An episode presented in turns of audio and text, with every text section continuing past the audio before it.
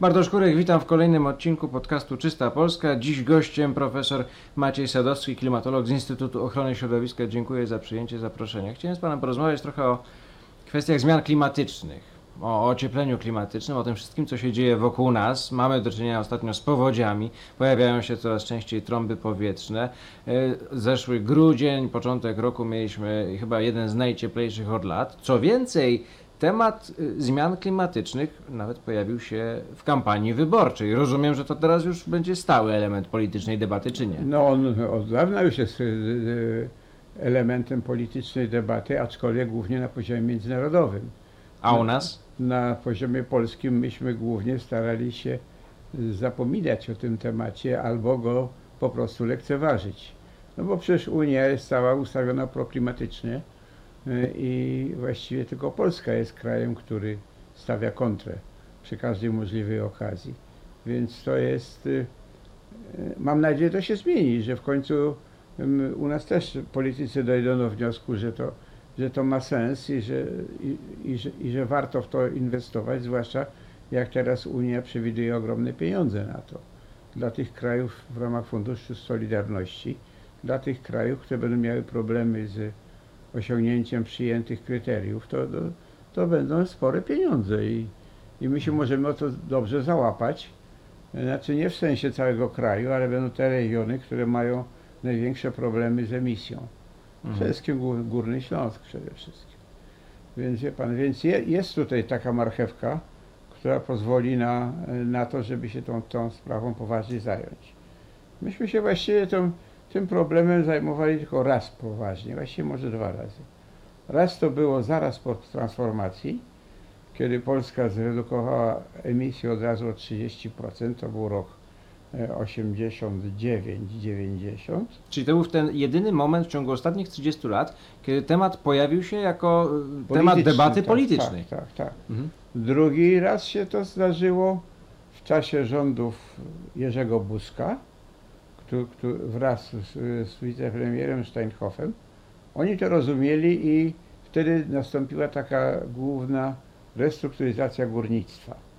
Właśnie w, kon- w kontekście zmniejszenia między innymi emisji, ale to oczywiście emisja nie była głównym motywem. A poza tym to my praktycznie biorąc nie robimy nic w kierunku e, poprawienia sytuacji w zakresie emisji o, u nas.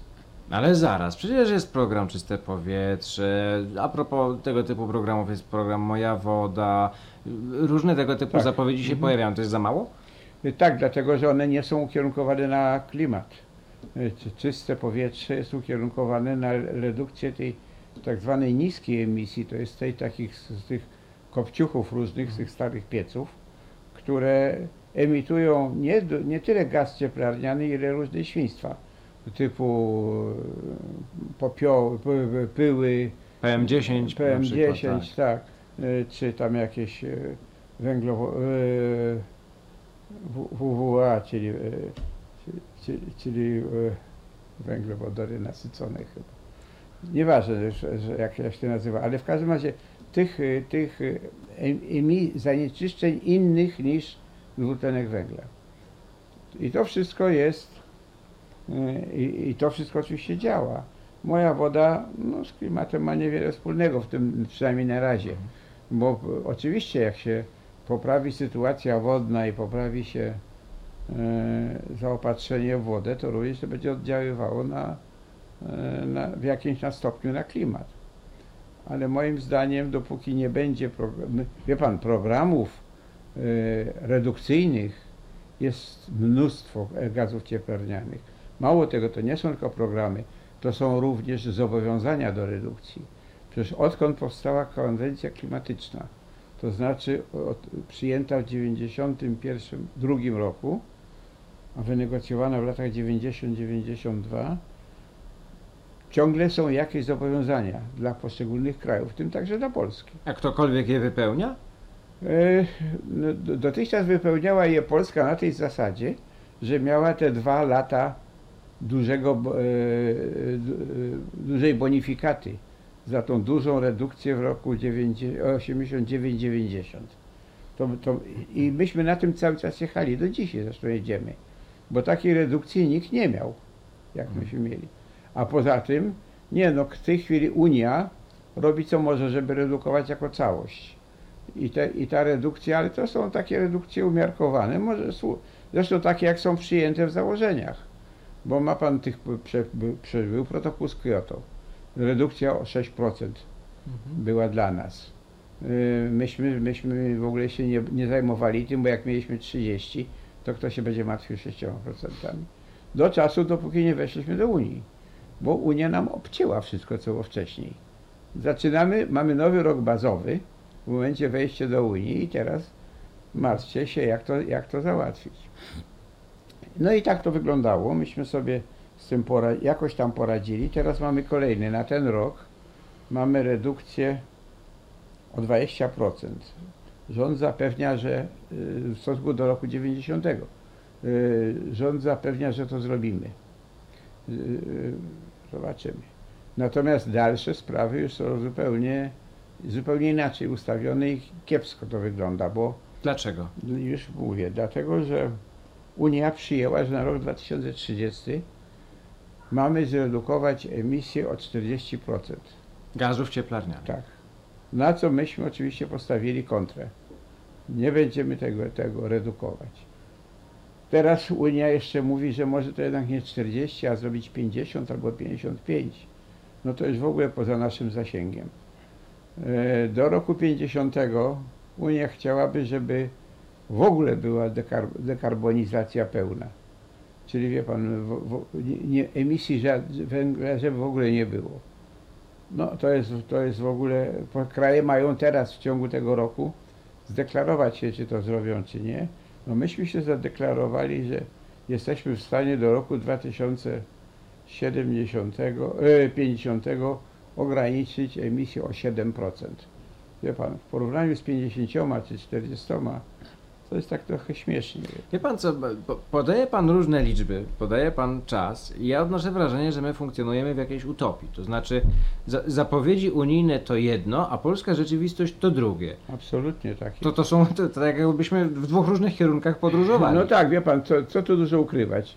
Y, Większość rządów dotychczas starała się robić co można, żeby nie wypełniać zobowiązań unijnych. A ten rząd szczególnie. Wie pan, myśmy mieli, y, organizacje pozarządowe europejskie zrobiły w ubiegłym roku taką e, ranking krajów unijnych, które y, w zakresie za, zaangażowania w, konwe- w politykę klimatyczną. Na pierwszym miejscu są oczywiście Szwedzi, którzy, którzy chcą to robić, y, są zaangażowani w zakresie mniej więcej 75% w to. Polska jest na ostatnim miejscu, 28, z zaangażowaniem w granicach 20 paru. Można się zgadzać z tą oceną lub nie, to jest ocena organizacji pozarządowych, więc y, ktoś może powiedzieć, że oni to robią złośliwie ale to nie jest tam jednej organizacji z jednego kraju, tylko to są dosyć poważne instytucje, te organizacje pozarządowe europejskie. Także, mm, wie pan, no faktem jest, że wygląda to kiepsko, że my się tym wszystkim e, mało przejmujemy i wszystkie, wszystkie spotkania, na których my uczest- uczestniczą nasi e, przedstawiciele rządu, są skierowane na to, żeby, żeby blokować, co się dało. Nie, nie, bo nie, bo my mamy węgiel. Wie pan, ile mamy tego węgla, to jeszcze nie wiadomo, i jak długo, a sądząc po tym, że mogliśmy zamknąć teraz kilkanaście kopalń, to w związku z pandemią? tak, w związku z to, to znowu aż tak, taki wielki problem widać w gospodarce, w gospodarce nie jest. Tym bardziej, tak jedziemy na rosyjskim węglu. Mhm. Panie profesorze, to od czego należy zacząć redukcję gazów cieplarnianych w Polsce? Może od uświadomienia ludziom, czym one są? E, Bo ja mam takie wrażenie, że ludzie nie mają o tym Nie, pojęcia. ludzie nie mają pojęcia i uważają, że to nie jest nasz problem, dlatego że my mówimy o tym, o globalnym problemie, procesie. A to, że tam będzie ocieplenie, że gdzieś będą huragany, gdzieś będą podtopienia, wzrośnie poziom morza. No dobra, co nas to obchodzi w sumie? No przyjdzie taka jedna burza, no my po- ponarzekamy, ponarzekamy i koniec. Parę domów zaleje. Parę domów zaleje, parę, do, parę domów przewróci. A to, co teraz się dzieje na Podkarpaciu na przykład, albo w Małopolsce, to to jest globalne ocieplenie? To Nie, nie, efekt? wie pan, ja, ja e, za długo pracuję w branży, żebym nie wiedział, że na przełomie czerwca i lipca muszą być powodzie w porządnym, normalnym układzie klimatycznym. To się tak nazywało po, powódź świętojańska. I w Polsce to było tradycją po prostu, że my mamy powódź na przełomie tych dwóch miesięcy, która powodowała wielkie straty głównie, bo to albo właśnie głównie na Podkarpaciu. Pan, Bo to Dunajec wylał, bo to tam so, s- Soła wylała, bo ktoś jeszcze. Wie pan, duże były straty i, i to się już tak weszło. Teraz od wielu lat takich powodzi nie było, Bo mamy suszę. bo mamy suszę. Teraz nagle wyskoczyła powódź, właśnie taka typowa świętojańska, ale ona dosyć krótko trwała. W końcu te- te dwa dni czy trzy dni i koniec. Zwykle tam trwało około tygodnia. No ale nieważne, to mamy sprawę z głowy starą. Nie no właśnie, ważne. Dlaczego ważne? Dlatego ważne, że wszyscy są zaskoczeni, że taka wielka woda się pojawiła. I już politycy między sobą przerzucają się odpowiedzialnością. No tak, ale przy, politycy będą się przerzucać odpowiedzialnością za wszystko, dopóki się da. Wie pan, więc ja, ja bym do tego polityków specjalnie nie mieszał. Faktem jest, że no, na powódź my nie mamy wyjścia, nie mamy metody. Powódź przychodzi, trzeba się z nią pogodzić. Parę dni potrwa, szkody narobi oczywiście. I koniec, ale wie pan, znaczy gorszą jest szkodę powoduje nam suszę. Wie pan, my sobie tak się na to e, patrzymy tak z lekkim lekceważeniem. No susza jest, co tam to obchodzi, w mieście wodę mamy, nie ma problemu. Ale wie pan, susza się w Polsce krę- kręci tak mniej więcej od, po, od połowy lat 80. Raz jest, raz jest nie ma, ale y, i my nie, nie zdajemy sobie sprawy z tego, że taka susza jak jest teraz, skończyć się może źle nie tylko dla rolnictwa, bo to jest główny segment, ale także dla przemysłu. Wie pan, przemysł ciągnie ogromne ilości wody, energetyka też. I teraz jeśli się okaże, że na przykład wody w rzece jest za mało, albo ma za wysoką temperaturę, no to nie ma czym chłodzić elektrowni. Wie pan, i się robi problem. E, Ja już widziałem, wie pan, takie były przykłady w Bułgarii, kiedy Sofia nie miała wody.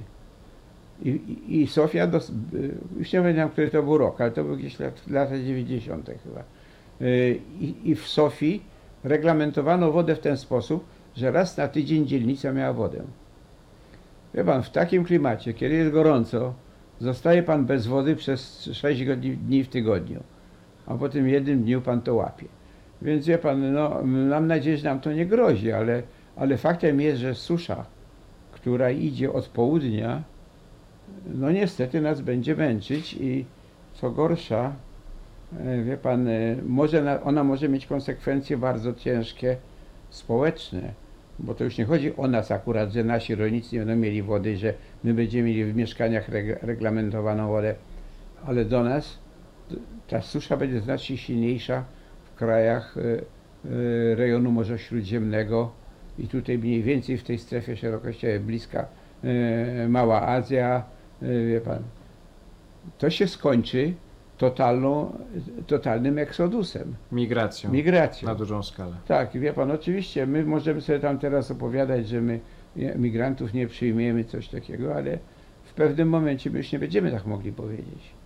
Wie pan, bo to, to sobie, że sobie Orban zamknął granicę, to, wie pan, na, na tę migra, migrację masową, to to może zadziałać, ale przecież ci ludzie wyciekają i tak. Ja się teraz gdzieś przeczytałem, że w Polsce jest znacznie więcej migrantów z krajów Bliskiego Wschodu, niż to, co miało do nas przyjść oficjalnie w ramach tego programu An- Angeli Merkel. No tak. Y, Pa, panie profesorze, ale wracając do gazów cieplarnianych. Tak. y, Czym one są? Z czym mamy do czynienia? Mamy do czynienia przede wszystkim z dwutlenkiem węgla, e- efektem spalania. To jest podstawowy, spalania węgla, ropy, gazu. To jest podstawowe zagrożenie. Drugim gazem to jest metan, który jest gazem o wiele bardziej szkodliwym niż, niż dwutlenek węgla. On pochodzi no, z, z e, emisji e, ze zwierząt przez bydło. Mm, Z dużych hodowli na Z przykład. dużych hodowli, tak. Przemysłowych właściwie. Tak, tam, tam, tam, gdzie, tam gdzie jest wielka, e, gdzie jest duże, duża masa tych zwierząt, zresztą wszystkie, z, e, całe bydło emituje tego w znacznych ilościach. a gaz jest bardzo y, szkodliwy. Abstrahując już od tego, wie pan, przecieków rurociągów, ucieczek takiego tego gazu właśnie z eksploatacji i tak dalej. Ale oprócz tego jeszcze mamy jedno źródło, o którym mało, mało mówimy, które, no oczywiście bagna. Z g- to całe e, gnicie materii, rozkład powoduje emisję metanu. I, i to, jest, to jest też jedna z, z, większych y, źródeł tego gazu. Ale jest jeszcze jedno źródło, które, ale już w skali globalnej. To są tak zwane klatraty metanu. Co to jest? Ju- Klatraty metanu. A co to jest? Już panu mówię. Klatraty metanu to są e, galaretowate masy powstałe z metanu, który się s- s- skondensował w odpowiednich warunkach, to znaczy przy, e, na odpowiedniej głębokości oceanu, około 500 metrów i przy odpowiedniej temperaturze. To się tworzy taka galareta, która w momencie, kiedy na przykład ruszy panu y, y, zbocze w oceanie, to to wszystko się uwalnia do atmosfery. A jako, z czego one się tworzą? Z metanu. No ale jak ten metan się tam dostaje w takich Z ilościach? procesów gi- gnilnych. Po prostu. Właśnie, Mhm. tak. Tutaj. Ale drugie, drugie źródło, w którym się tworzy metan, to jest przy e, rurociągach gazowych. Mhm. Tam w niskich temperaturach rurociągi są zatykane przez klatra- klatraty i muszą być czyszczone. Yy, I to jest też, też jest duże źródło, yy, duże źródło emisji, z którym trzeba walczyć jakoś tam. Znaczy wie pan, z rurociągiem to jeszcze można walczyć, ale z dnem oceanu gorzej. I to są ogromne pokłady, to są, które się tam nagromadziły od wieków i co jakiś czas wyskakują. Wie pan, to się, to ładnie, to śmiesznie wygląda, może nie ładnie, ale jak e, nagle na, na, na powierzchni oceanu zaczyna panu bulgotać. Duży, duży obszar bulgocze, bo, bo, bo się ten gaz ulatnia, właśnie metan. No i wtedy to, to ma swoje konsekwencje, dlatego że podejrzewano, że e, w zatoce, w, tam w meksykańskiej, jak to występowało, to no, zmieniała się gęstość oceanu i statki, które były, wpadały po prostu, topiły się. No, ale to tak na zasadzie dygresji. No dygresji, no, ale- no ale to ciekawe, wie pan, bo zastanawiam się, czy skoro skala tych zagrożeń i tej emisji jest duża, bo możemy mówić chyba, że jest duża Duża. na tym etapie, to czy my jako ludzie jesteśmy w stanie temu jakoś skutecznie przeciwdziałać? Czy to jest, e, czy, czy raczej to jest woda na młyn tych, którzy mówią, no, ocieplenie klimatyczne, no dobrze, ale wcześniej było zlodowacenie, a potem było ocieplenie. Tak, tylko wie pan, ja myślę, że to jest właśnie główna, e, główny kierunek działania tych krajów, które są świadome tego, a więc uważają, że trzeba przede wszystkim ograniczyć emisję z energetyki i przemysłu. Wie pan, tam dwutlenku węgla oczywiście, bo tam ta, ta emisja jest największa. I to, co panu powiedziałem na wstępie, że jest proces deko, dekarbonizacji gospodarki, a więc o, u, uwolnienia z wykorzystania węgla, no to jest y, metoda, żeby zastąpić źródła takie węglowodorowe czy węgiel y, poprzez y, odnawialne źródła energii albo atom. Mhm. Wie pan, bo, bo to, są, e, to są źródła, które nie emitują tego. I teraz jest pytanie, czy, czy to się da zrobić, czy nie. Większość krajów tych zaangażowanych bardzo uważa, że się da. E, mm, Jeśli się jeszcze okaże, że to może być tańsze niż węgiel, to przypuszczam, że to. To zostanie wtedy ruszy kupione. masa. Tak, to wtedy się, wie pan, już y, jak, jak się patrzy na e, Chiny, które oczywiście kopią węgiel i używają go, ale oprócz tego masowo zakładają elektrownie słoneczne, wie pan. Czyli oni sobie zdają sprawę z tego, że, że to jest przyszłościowe źródło. I myślę, że wielu krajów już tak to robi, że mniej lub bardziej po cichu to się to się robi, chociaż niekoniecznie po cichu. Bo Chińczycy się na przykład tym chwalą, że mają największą elektrownię słoneczną na świecie. I to jest kierunek działania. Myślę, że i, innej drogi nie ma. No oczywiście, wie pan, do tego jeszcze dochodzi ta, to całe e, gospodarka komunalna. Mówimy, że my tyle spada. Mówi pan o produkcji śmieci? Nie, nie, mówię o, o, o, o zużyciu węgla. A, po prostu. Tak. Zresztą śmieci to też jak się spala, tylko tam są inne zanieczyszczenia wchodzą.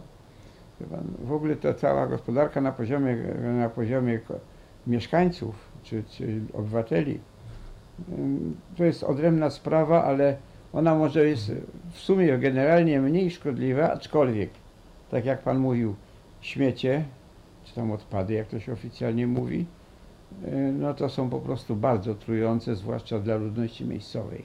Mhm. Wie pan, jeśli panu e, kiedyś trudno było wytłumaczyć ludziom, że jeśli on ma takiego kopciucha i pali w nim plastik i przecież wiadomo, że ten spalony plastik, te wszystkie całe spaliny spadają na ten dom i jego otoczenie.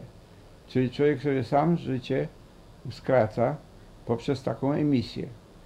No i teraz się robi problem, e, czy tym ludziom można to wytłumaczyć, czy nie. Stąd jest ten program, jak Pan wspomniał, czyste powietrze. Zamienić kopciuchy na przyzwoite piece i, mm, no i zacząć spalać przy, przyzwoite y, pa- paliwo, a nie, a Mhm. nie butelki PET Na przykład. na przykład. Panie profesorze, 38 stopni Celsjusza zarejestrowano w rosyjskim Wierchojańsku w północno-wschodniej części Mhm. Syberii w Jakucji e, niedawno, 20 czerwca. E, Dodam dla Państwa informację, to jest zakręgiem polarnym 38 stopni Celsjusza. Fala upałów trwała aż 11 dni. Z drugiej strony świata pożary lasów amazońskich na przykład w ubiegłym roku były większe o 84% w porównaniu z takim samym e, okresem z 2018 roku, czyli tylko w ubiegłym roku. Zaobserwowano tam niemal 80 tysięcy ognisk pożaru. Czy to oznacza, że my za chwilę stracimy płuca ziemi? Chyba tak. To Dlatego, czym my będziemy oddychać? E, Wie Pan, no może nie będziemy oddychać. E, To jest- problem się sam rozwiąże. Tam się sam rozwiąże. Wie pan, to co się, te wszystkie takie, no, no trudno powiedzieć, to są prognozy, ale jakieś takie spekulacje, co się może stać. No to jak ja sobie teraz przeczytałem e, książkę pod tytułem Ziemia niebezpieczna, czy coś takiego, gdzie wie pan, właściwie jak człowiek to przeczyta, to powinno się od razu położyć do, do trumny. Wie pan, wszystko, ta, to jest tak mniej więcej takie przewidy, nie przewidywania, ale e, roz, e, spojrzenie na rok 2100, Mhm. gdzie właściwie, właściwie warunków do życia nie będzie żadnych, jeśli to się sprawdzi oczywiście. I, I muszę powiedzieć, jak ja to czytałem, tak sobie pomyślałem, jak to dobrze, że już tam nie będę żył. Pan, bo Ale cze- czeka nas horror, jeśli chodzi o zmiany klimatyczne, jeżeli natychmiast nie konsekwencje weźmiemy tego. Konsekwencje A jak one będą wyglądały na, przek- na przykład tutaj w Polsce? No proszę pana, no wystarczy, że pan, tak jak pan powiedział, że będziemy mieli 38 stopni temperatury przez połowę lata. No może pan to wytrzymać, tylko nie wiem, czy wytrzyma to rolnictwo. Przede wszystkim. No, pewnie zaczniemy hodować rośliny z Afryki. No, czy- Albo z Azji. Albo z Azji, tak. Jak notabene pan jeszcze wspomniał Wierchojańsk, to trzeba pamiętać, że Wierchojańsk to jest y, najzimniejszy obszar y, na półkuli północnej. Tak, tam padały rekordy Tak, minusowych mrozu, temperatur. Tak, tak. no z wyjątkiem oczywiście Antarktydy. Ale e, i teraz tam nagle 38 stopni, no ci ludzie się muszą do tego przyzwyczaić. Ale ta, ta, ta temperatura rośnie wszędzie. I wszędzie rośnie właśnie w taki sposób gwałtowny, wie pan, że nagle przychodzi panu kilka, kilkanaście stopni więcej niż dotychczas i pan się musi jakoś do tego przyzwyczaić, żeby z tym żyć. No Ale zaraz, czy, czy my się zdążymy do tego przyzwyczaić? Bo y, jeżeli ja dobrze rozumiem, to tempo zmian jest bardzo, szy- bardzo duże, bardzo szybko to idzie. No, no proszę pana, jeśli popatrzymy na rok 2100, to już jest y, trzecie pokolenie nasze, to już będzie żyło w 2100 roku, może nawet drugie.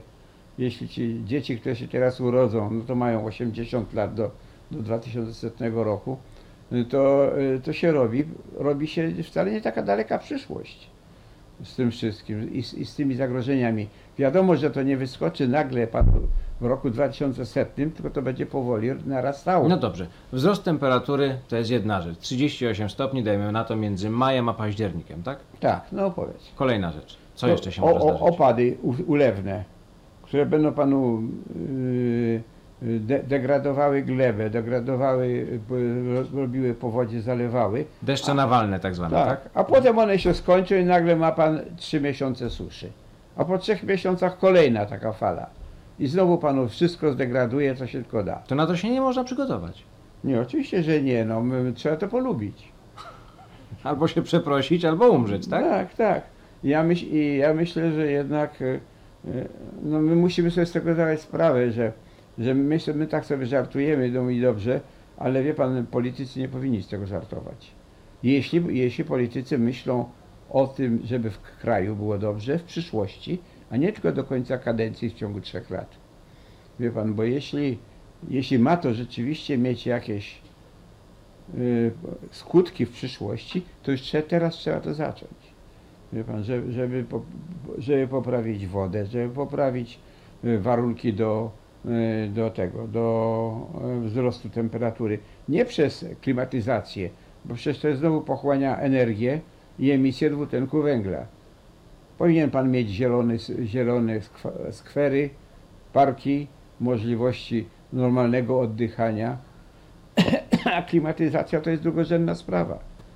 Wie pan, ja nie, wcale to y, nie, ja się, to zresztą to już u nas było, y, y, gdzieś to wyczytałem, że przecież y, nasi energetycy się boją w, lecie blackoutu.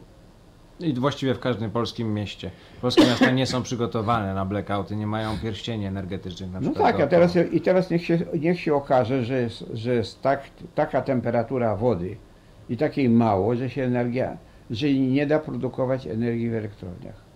No to co, no to czy tylko blackout, nic więcej. Czyli no. co, teraz przyjaznym miejscem do życia stanie się nagle pół, północ Norwegii? No na pewno znacznie większa. Ta, dlatego wszyscy uważają, że w Skandynawia, właśnie ta daleka, na, na ociepleniu skorzysta. Bo tam się wydłuży okres wegetacyjny. Oni mają wody pod dostatkiem, więc tam problemu z tym nie będzie. Jak temperatura im trochę wzrośnie, to poprawi się komfort. I, i no oczywiście tam będą inne problemy, że panu wzrośnie poziom oceanu, że będą mieli z tym problem, że, ale, ale to, to, są, to jest rejon właściwie, który może na tym wygrać. Le, to, Ale reszta świata przegra.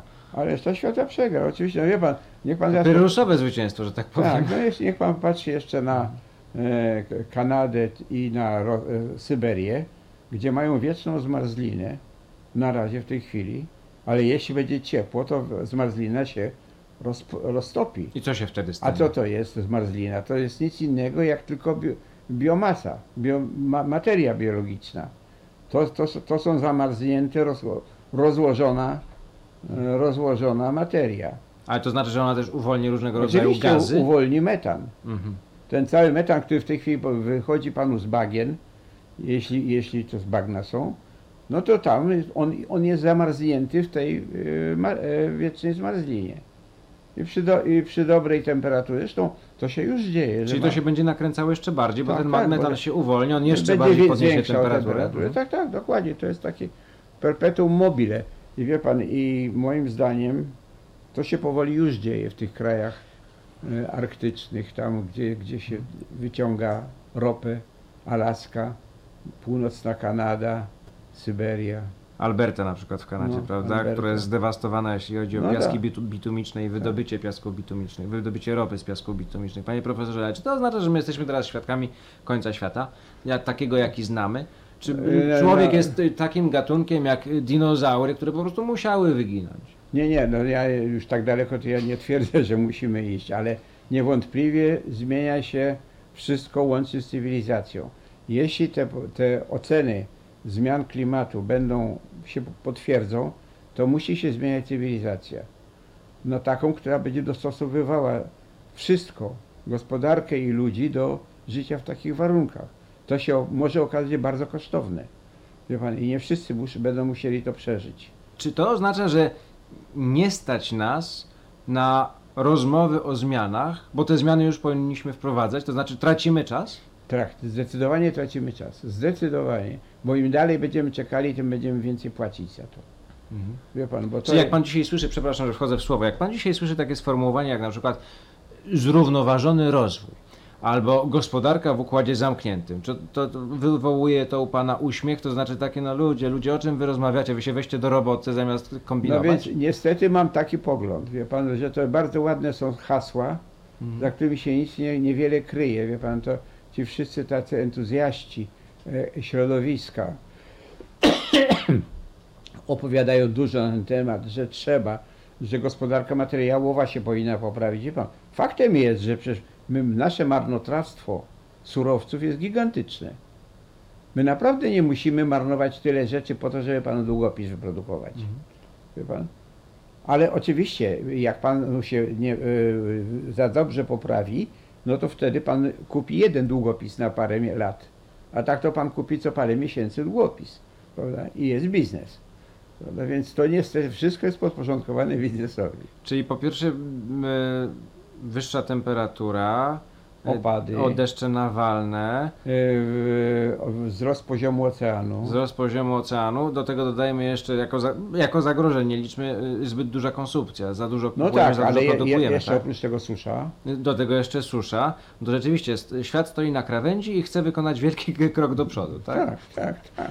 Paradoksalnie tak to wygląda. No tak. Ale za, zatrzymując się jeszcze na chwilę przy, przy, przy tej ograniczonej produkcji, jak pan sobie to wyobraża? To znaczy, albo człowiek powie dzisiaj stop i przemodeluje zupełnie swoje myślenie o gospodarce, to znaczy nie istnieje coś takiego jak niekończący się wzrost gospodarczy, bo właśnie e, widzimy żółte, czy może już czerwone światło? No to zależy gdzie. Wie pan, na, na pewno w przypadku węgla to już jest światło, światło czerwone na świecie, nie w Polsce akurat. Y, Wie pan, inne surowce też jest coraz gorzej, wie pan. Je, jeśli pan do produkcji swojego smartfona potrzebuje y, metale, które są bardzo rzadkie i występują tylko w Afryce, no to wie pan, to one się w końcu skończą. No to się prawda? nazywa drenaż.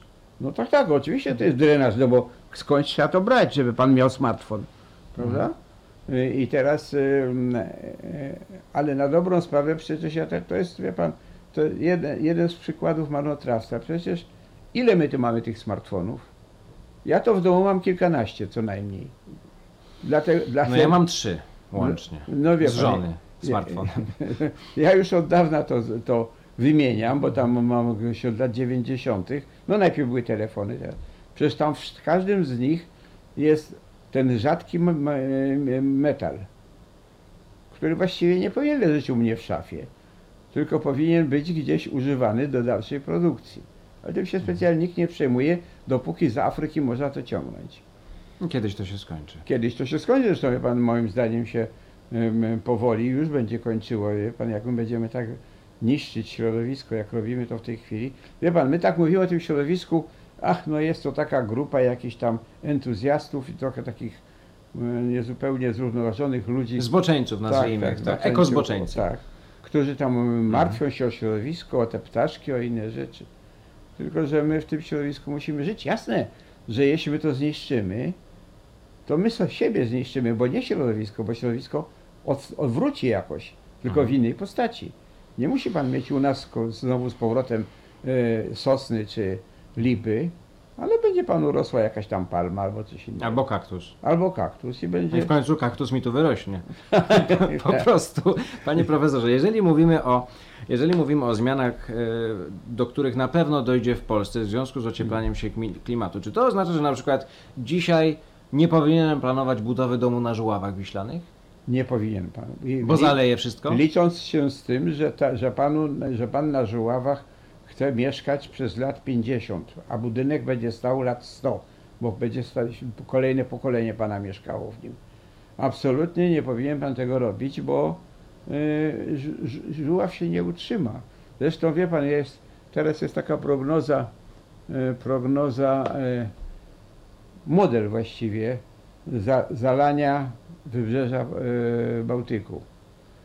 Więc praktycznie biorąc cały Gdańsk, cały Elbląg, Żuławy, to wszystko będzie podtopione, a jeśli nie zalane. A jak daleko ta woda dojdzie? No, no, no wie pan, no ona chyba tak mniej więcej do poziomu Tczewa dojdzie. Wie pan, w- tym rejonie. Potem, b, b, potem Hel, Hel będzie przecinany na, na wyspy podzielony, wie pan. Mierzeja Wiślana, którą się teraz tak martwimy, zostanie też pocięta. Czyli my ją przekopiemy, czy nie, to Tak, bez tak, znaczenia. Tak, tak, tak. Wie pan, y, y, im bardziej y, re- rejon Szczecina jest to samo. Cały ten zalew szczeciński będzie podtopiony łącznie z, z częścią miasta, może nie całego, ale z częścią.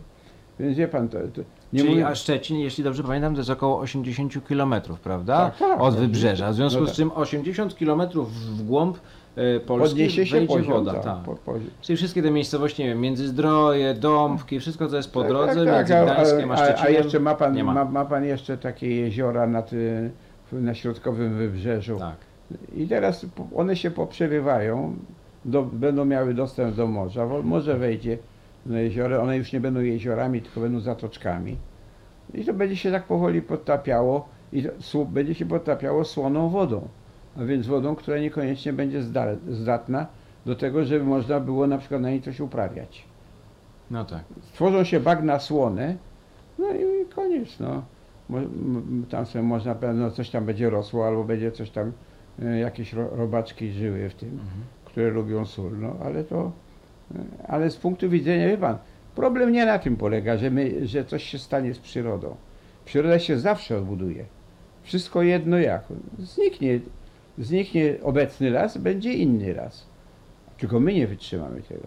Wie pan, my No, ale my sobie sami ten bicz, bicz kręcimy. tak, tylko, że my nie chcemy zrozumieć, że my, nasza cywilizacja żyje w określonych warunkach. Myśmy się przyzwyczaili do tego, prawda? Śnieg w zimie, ciepło Tak, lecie. jasne, tak, że, że musimy mieć właśnie Mhm. y, y, do, dobre mieszkanie, że musimy mieć y, ładną pogodę albo brzydką pogodę, wszystko jedno, a to się może wszystko zmienić.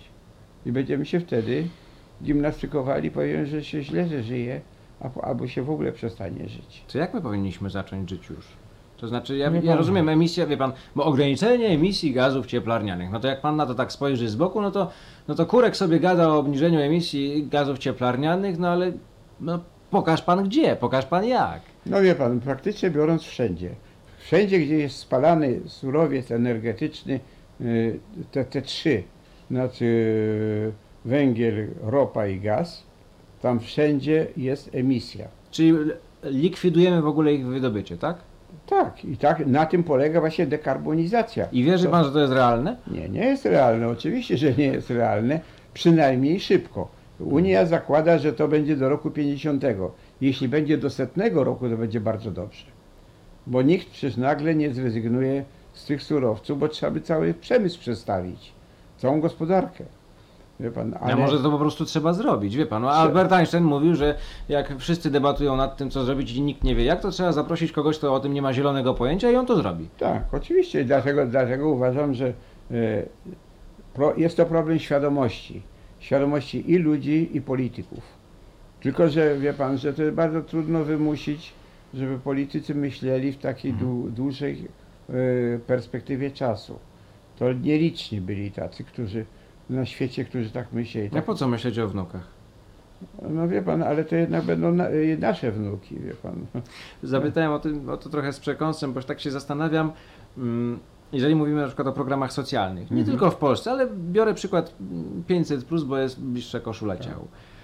Czy te 30-40 miliardów, bodaj chyba w okolicach 40, które co roku na to wydajemy, wydane na walkę z globalnym ociepleniem, ale w polskim wydaniu, Mhm. może przynieść od razu efekt, jeżeli by było tak przełożone? Bo to, to, to umówmy się, to jest też wydatek socjalny wtedy. Tak, proszę pana, no niewątpliwie jeśli by te pieniądze poszły na przykład właśnie na modernizację systemów grzewczych dla ludności, to na pewno daje to od razu efekt. Albo na przykład systemów y, kanalizacyjnych i, i wodociągowych. Bo to wcale tak w Polsce ładnie z tym nie jest, wie pan, wbrew pozorom. To niewątpliwie jest efekt od razu dla ludzi. Ale wie pan, my sami y, globalnego ocieplenia nie pokonamy w Polsce. Ja, ja po długich, y, długich my dyskusjach, a przede wszystkim przemyśleniach, jak pracowałem w tej konwencji klimatycznej, doszedłem do wniosku, że ta walka z globalnym ociepleniem, to co powiem teraz, to jest oczywiście, zabiją mnie za to, jest trochę bez sensu. Dlaczego?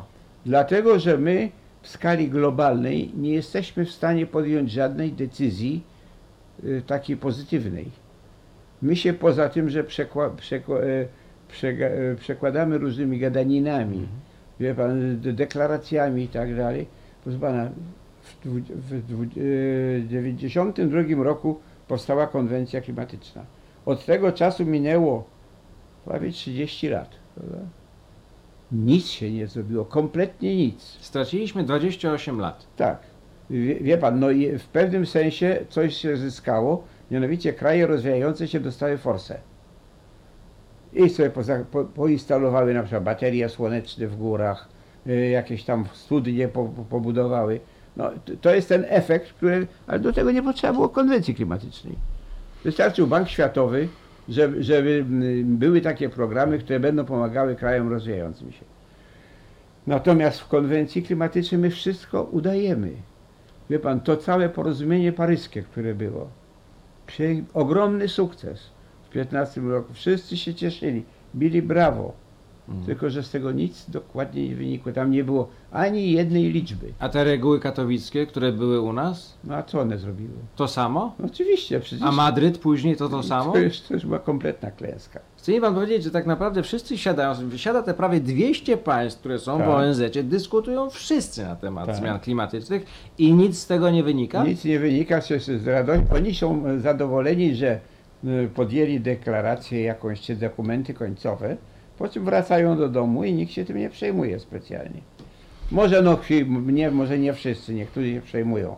Niektóre kraje takie poważniejsze w Unii, e, to e, e, kiedyś Hiszpa- Holandia się bardzo przejmowała. Teraz widzę, że mają tam jakieś problemy i, i kłopot. Francja się przejmowała. Niemcy się bardzo przejmowały. Wie pan, ale Niemcy zrobili sobie wiatraki i chyba tak zupełnie tak średnio im to wychodzi. Yy, Także wie pan, natomiast po, po, po porozumieniu paryskim, to już 15 rok był, 2, 5 lat minęło, nie, nie, nie ma na, za krok postępu.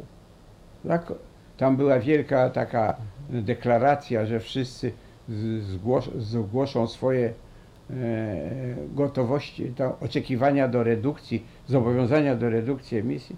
I co z tego wynika? No albo są jakieś zerowe, albo jakieś kombinacje, żeby tu nie robić e, emisji globalnej, tylko tam do czegoś. Wie pan, takie, e, jak ten temat ominąć przede wszystkim. I takie pozorne działania. Jak to ktoś kiedyś pięknie powiedział, że konwencja klimatyczna to jest największe biuro pod, podróży na świecie. Bo nagle 10 tysięcy ludzi jeździ w najciekawsze rejony świata. Cancun, Bali, e, Durban. No, no, bardzo, bardzo to wygodne miejsce. No.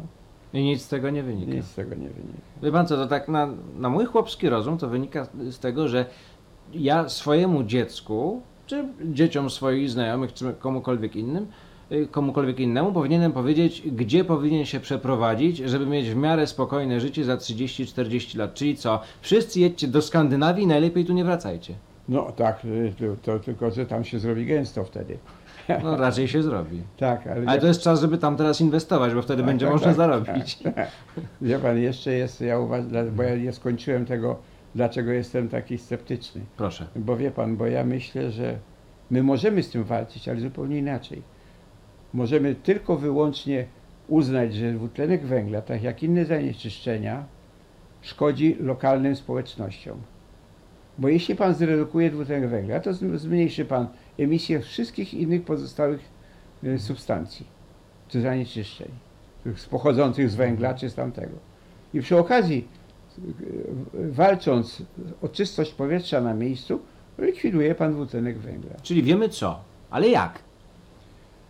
No wie pan, przede wszystkim trzeba zmienić systemy, ja- jeśli mówimy o poziomie, o poziomie ludności, no to systemy grzania i systemy klimatyzacji. Nie może to być, wie pan, takie marnowanie energii jak teraz. Jeśli chodzi o energetykę, chyba tylko pozostaje, no to, to jest duży, duży problem, to jest myślę, że pozostaje tylko atom. Pan? Żeby w dużej skali doprowadzić tak, energię. Tak, tak, znaczy wie pan, A OZE nie wystarczą? Wystarczą, tylko że wtedy, oczywiście wystarczą, tylko wtedy musielibyśmy pójść w kierunku takim, jaki kiedyś w Polsce był taki komitet, który prowadził chyba Jerzy Buzek, to niedawno, nie tak dawno było, i tam był również profesor Żmijewski, taki, który był Od energetyki znam. od energetyki, tak. I Krzysztof Żmijewski. tak, Krzysztof Żmijewski, zmarł niestety. Y, On był, oni byli wszyscy entuzjastami takiej zwanej gospodarki prosumenckiej. Mhm. Żeby każdy był e, producentem Że- że- energii tak. i jednocześnie konsumentem. tak, tak. tak, tak. I to jest rozwiązanie, oczywiście. To- Czyli tak naprawdę każdy dom ma warunki do tego, żeby stać się mini elektrownią. Tak jest, dokładnie, tak. Jaką, jakąkolwiek, albo wodną, albo wiatrową, albo właśnie, y, al- albo nawet małą jądrową. A wie pan ile czasu minęło od kiedy oni o tym mówili? No chyba z 10 lat co najmniej. Prawie 20. Prawie 20, tak? Ja już nie już, pamiętam. ja pamiętam tę rozmowę, dlatego, dlatego do niej no, przypomniałem sobie, jak pan, to, jak pan to wspomniał. Około 20 lat trwa dyskusja na temat tego, w jaki sposób zmienić i przestawić polską gospodarkę na to, żebyśmy my wszyscy byli producentami energii, bo jednocześnie koszty są mniejsze, emisja jest niższa Oczywiście. i tak dalej, i tak Straty dalej. na, prze, na przesyły mniejsze, wie pan. Ja dlatego cały czas wracam do programów socjalnych, bo zastanawiam się, czy zamiast dawać ludziom do ręki gotówkę, nie lepiej te same pieniądze wydać na to, żeby każdy dom był po prostu producentem energii, żeby każdy dom miał, nie wiem, baterie fotowoltaiczne i pompę ciepła, na Tak, przykład, tak. tak. A do tego, żeby miał jeszcze, nie wiem, na przykład y, mini wiatraki, które niekoniecznie mają skrzydła, mogą mieć też turbiny, No, turbiny napędzane mieć, wiatrem. tak. Możliwości jest multum i one się cały czas rozwijają. Tylko wtedy pytanie, czy takie e, giganty jak, nie wiem, PGE, No Enea, Energia padną. i tak dalej nie padną przez to. No i tak, i to jest, i kolejny problem to jest, wie pan, y, lobby górnicze. Mm. Wie pan, bo to nie, gór, nie chodzi o górników, tylko o administrację. Ale pan myśli, że oni sobie wszyscy nie zdają sprawy z tego, co nas czeka? A po co mają oni sobie zdają sprawę, ale przecież to już ich nie będzie. A oni na razie muszą z czegoś żyć, prawda? I dobrze żyć. No i nie żyją jutro, tylko dziś. No tak, i oni chcą zarabiać i, i będą pan, walczyć z panem jak się tylko da, żeby żadnych nowoczesno, nowych pomysłów nie było, bo oni na tym stracą. Wie pan, na tej całej prosumenckiej, która się bardzo ładnie rozwijała przez pewien moment. Wie pan, przynajmniej na poziomie, e, na poziomie teorii i, i tych wszystkich ustaw, ustaleń. Pamiętam, jak uczestniczyłem w tych takich posiedzeniach, które, które właśnie Buzek organizował. I to, to wyglądało fajnie. To było tak realnie, że zresztą było zainteresowanie duże, zwłaszcza rolników, wie pan, żeby mieć u siebie całą elektrownię. No ale zaraz się robi problem. No dobrze, a jak on ma nadwyżkę prądu, to co? Mają sprzedać. A po ile mają sprzedać? Do sieci. Mhm. No to tak, żeby sieć na tym nie straciła. No, może stracić rolnik, nie powinna sieć, wie pan. I, i, i to, to wtedy się zaczęły takie dyskusje bez sensu zupełnie. E, Więc ja, e, jak, jak, jak, jak zdam ten, ten, myślę, że w Polsce to tak łatwo nie pójdzie, dopóki się nie, zna, nie stworzy klimat do tego. A Przepraszam bardzo, nie stworzy się klimat, czyli co? Czyli dojdzie do tragedii na dużą skalę? tak, tak. Czyli musi, musi ileś osób umrzeć z powodu zmian klimatycznych, żebyśmy zaczęli wprowadzać zmiany realne. No tak, ale to musi, sp- żeby to było zauważone, to musi sporo ludzi umrzeć. Bo inaczej to panu powiedzą, że właśnie ktoś tam się przeziębił i umarł. Panie profesorze, 50 tysięcy ludzi rocznie umiera z powodu smogu. To za mało? Jak pan widzi, za mało, nikt się tym nie przejmuje. To ile musi milion umrzeć? No jak że milion, a zwłaszcza w dużych miastach i, um, i umrą rodziny prominentów, to wtedy się obudzą. Niech pan zobaczy, że przecież ktoś się... Brzmi pan jak rewolucjonista. No ja nie jestem, ja już mam prawo być rewolucjonistą. Wie pan, naprawdę tych wszystkich e, ludzi, którzy rządzą, to najmniej interesuje. Owszem, interesuje do momentu, dopóki nie będzie krzyku na ten temat. Ale to, ile ludzi umrze, no zawsze się znajdzie jakiś powód, dlaczego umarł. I niekoniecznie trzeba to zwalać od razu na smog. Nie, zresztą niech pan zobaczy, w tej chwili też się zwala wiele takich przypadków na smog i co? I ktoś się tym przejmuje? No dobrze, jeśli w ogóle panu zmierzą ten smog w mieście, jak, y, jak jest. Pod tym względem już jest trochę lepiej. Te, te No tak, pomiary tak. są dosyć dokładne i częste. No ale to też znowu jest głównie wynik działania organizacji pozarządowych tego. Tak, to prawda. To, to jest, a nie, nie inicjatywa rządowa. Czy ktoś w ogóle liczył, jaki byłby, w cudzysłowie oczywiście, zysk NFZ-u, gdybyśmy do minimum ograniczyli emisję smogu? Y, Te, ja gdzieś czytałem takie, nie z Polski, ale czytałem takie jakieś y, statystyki, że właściwie no, y, zysk finansowy dla, dla, dla rządu, dla, dla tych instytucji zdrowotnych był bardzo duży. Nie mówiąc o zysku dla ludzi, którzy też nie, nie wydawali pieniądze na, na leczenie. To samo zresztą nie, to dotyczy nie tylko smogu, bo dotyczy wszystkich zanieczyszczeń, z którymi mamy do czynienia. Wie pan, to jest dla mnie, dla mnie to jest no przykre, że trzeba o tym mówić w ten sposób, bo ja bym wolał mówić, że e, wie pan, no jest fajnie, my tu robimy dużo rzeczy, coś się dzieje, no, ale tutaj, gdzie czegoś się dotknie, to jest, to jest jakaś, e, jakaś hak. Panie profesorze, a może to wszystko trochę wynika z tego, że przez ostatnie dziesięciolecia, a może i dłużej, może i stulecia, może ja za mało wiem, ale odnoszę takie wrażenie albo podskórne przeczucie. Myśleliśmy o człowieku jako o centrum świata. Znaczy, może trzeba tego człowieka po prostu odsunąć z tego centrum świata, nie być antropocentrycznym, tylko raczej popatrzeć na to inaczej. Wie pan, w w historii to, to trochę inaczej wyglądało, bo komunikacji była, między ludźmi była znacznie słabsza. Więc wie pan, jeśli tam były nawet jakieś grupy społeczne typu naród czy jakieś ten, no to oni żyli w swoim kociołku i się bili z sąsiadami najczęściej. A, a, a nie patrzyli na to, że oni są pępkiem świata. Ale potem się oczywiście tak zaczęło, no. Zaczęli się ch- chętni do, do, do pokonywania świata i, i, i przestało ich interesować w ogóle cokolwiek poza własną władzą. To niestety to pojęcie e, władztwa do dzisiaj egzystuje wszędzie, w wielu krajach. To nie jest specjalność tylko tych nowych krajów, e, czy tam niedawno e, e, uzyskających niepodległość, ale niech pan zobaczy, no właściwie gdziekolwiek się pan ruszy, to zawsze jest jakiś rządzący, który ma w nosie swoich obywateli. Obywatele są potrzebni o tak, do momentu głosowania, a potem to już tak, no, no, no są to są, no, żeby tylko nie szumieli za. Czyli dopiero mm, trzymając się mm, tego, co Pan mówi, rozumiem, że dopóty, dopóki obywatele na własnej skórze nie odczują zmian klimatycznych, dopóty ten, kto nimi rządzi, y, nie, podejmie będzie- mądrej nie, nie decyzji. Podejmie, nie, nie podejmie. Dlatego, dlatego jest potrzebna edukacja społeczna w szerokim zakresie. Wie pan, chociaż teraz już jest lepiej w Polsce i tak, Mhm. bo jednak y, gdzieś teraz wyczytałem, jak się tu do pana szykowałem, że mniej więcej y, około 58% ludzi uważają, że zmiany klimatyczne są istotne. Y, Wie pan, jeśli to jest prawda oczywiście, to już nie jest źle, bo ja pamiętam, że, że tam było parę procent kiedyś. E, Tylko, że z tego na razie nic nie wynika.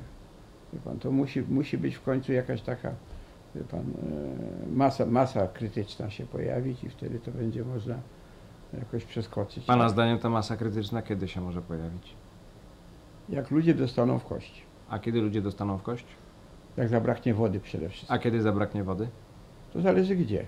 No w Skierniewicach już brakuje co roku. No właśnie, w, w, w krajach, tak, od, śródzie, od krajów śródziemnomorskich do środkowej Europy to może być dosyć szybko. Dalej już nie. No inaczej, czy to jest y, perspektywa jednej kadencji, pięciu lat na przykład, czterech Nie, lat? nie, nie, czy to jest perspektywa dekady? No, Myślę, że dekada to jest, to jest dobra, dobra perspektywa. Czyli za 10 lat od, od teraz będziemy stali przed y, kampanią wyborczą, w której tematem przewodnim będą woda, tak. zmiany klimatyczne, Tak, tak. woda i będziemy głosowali na tych, którzy nam powiedzą, jak zdobyć wodę. Tak, tak, oczywiście. I to jest, moim zdaniem, jest to bardzo realne. Bardzo realna perspektywa, że tak będziemy mieli. Wie pan, e, no bo w, w końcu A kiedyś... co wtedy nie będzie za późno, żeby ratować? Żeby pan, było co ratować? No nie, myślę, że jeszcze w ciągu 10 lat to tam takie nieszczęścia nie grożą, e, ale jeszcze coś będzie do ratowania. Być może koszty będą wyższe tego ratowania. To jest, to jest możliwe. Czyli tak, wszystkie programy socjalne należy wtedy włożyć między bajki i całą tę kasę, która została No, chyba, że będziemy mieli wyłożona. Że będziemy mieli tyle forsy, że starczy i na socjalne, i na, i na, i na klimat. I pan w to wierzy. Nie, skąd? Ale brzmi ładnie. Profesor Maciej Sadowski, klimatolog z Instytutu Ochrony Środowiska, był gościem podcastu Czysta Polska. Bartosz Kurek, bardzo dziękuję i do zobaczenia. Dziękuję bardzo. Do Dziękuję widzenia. panu.